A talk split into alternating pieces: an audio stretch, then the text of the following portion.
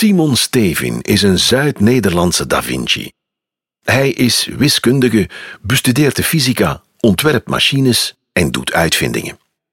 In dit boek, De Tiende, werkt Stevin het decimale stelsel uit.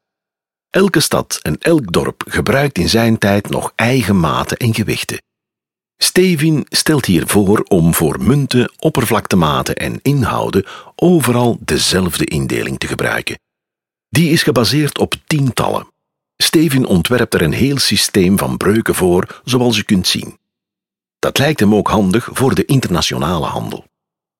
Stevin publiceert zijn werk in 1585, maar het zal nog meer dan twee eeuwen duren tot zijn ideeën worden uitgevoerd.